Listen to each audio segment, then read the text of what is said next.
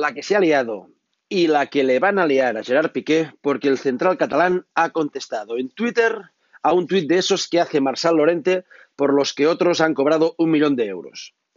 Ya sabéis que Lorente es tertuliano habitual de Barça TV, columnista de Mundo Deportivo y desmesurado azote de Jean Laporta en las elecciones de 2015. Pero vamos a ordenarlo cronológicamente. Desmesurado azote de Jean Laporta en las elecciones de 2015 y a partir de entonces tertuliano de Barça TV y columnista de Mundo Deportivo. No sé si hay causa-efecto, pero sí que causa mal efecto. La verdad, no sé si Marsal Lorente es un títere. En serio, tengo mi opinión, pero no lo sé seguro. estas cosas solo las sabe uno mismo y con ellas tiene que dormir. O sea que vamos con lo que sabemos. Sabemos que Piqué le ha llamado titella cuando Marsal ha dicho literalmente que el socio sabe identificar perfectamente quién quiere llegar al Barça para utilizarlo por sus intereses mediáticos, políticos y económicos. Vamos, que el periodista no le ha atacado directamente. De hecho, el tuit ni siquiera iba sobre Piqué. Entonces, ¿por qué Piqué ha contestado Lorente? No se acaba de entender, ¿verdad? A no ser claro que en verdad no se esté dirigiendo a Lorente. De hecho, Piqué no le insulta, no le llama mentecato, ni saltamargen, ni, ni nada más subidito. Piqué le llama titella, títere, lo que implica que hay un titiritero. ¿Y por qué no le contesta al titiritero directamente? Os preguntaréis.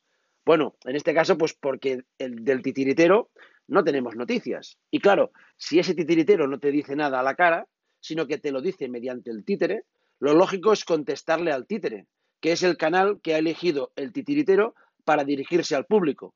Ahí la cosa ya va cogiendo un poco más de lógica, ¿verdad?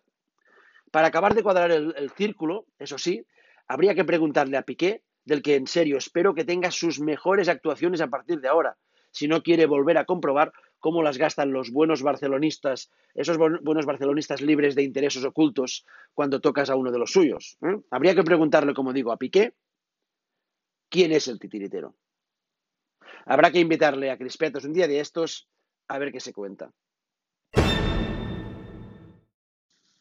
Nunca entenderé que el periodismo se sienta tan atacado cuando un futbolista llama títere a un periodista y tan poco cuando un periodista hace de títere. ¿No debería preocuparnos bastante más cómo está realmente nuestro gremio que lo que dicen de él? ¿Sabes quiénes justifican las intestinas campañitas del Barça en las redes mientras siguen denunciando un entorno hostil con intereses ocultos, verdad? En efecto, los mismos que le montaron el pelícano a la presidencia de Jean Laporta.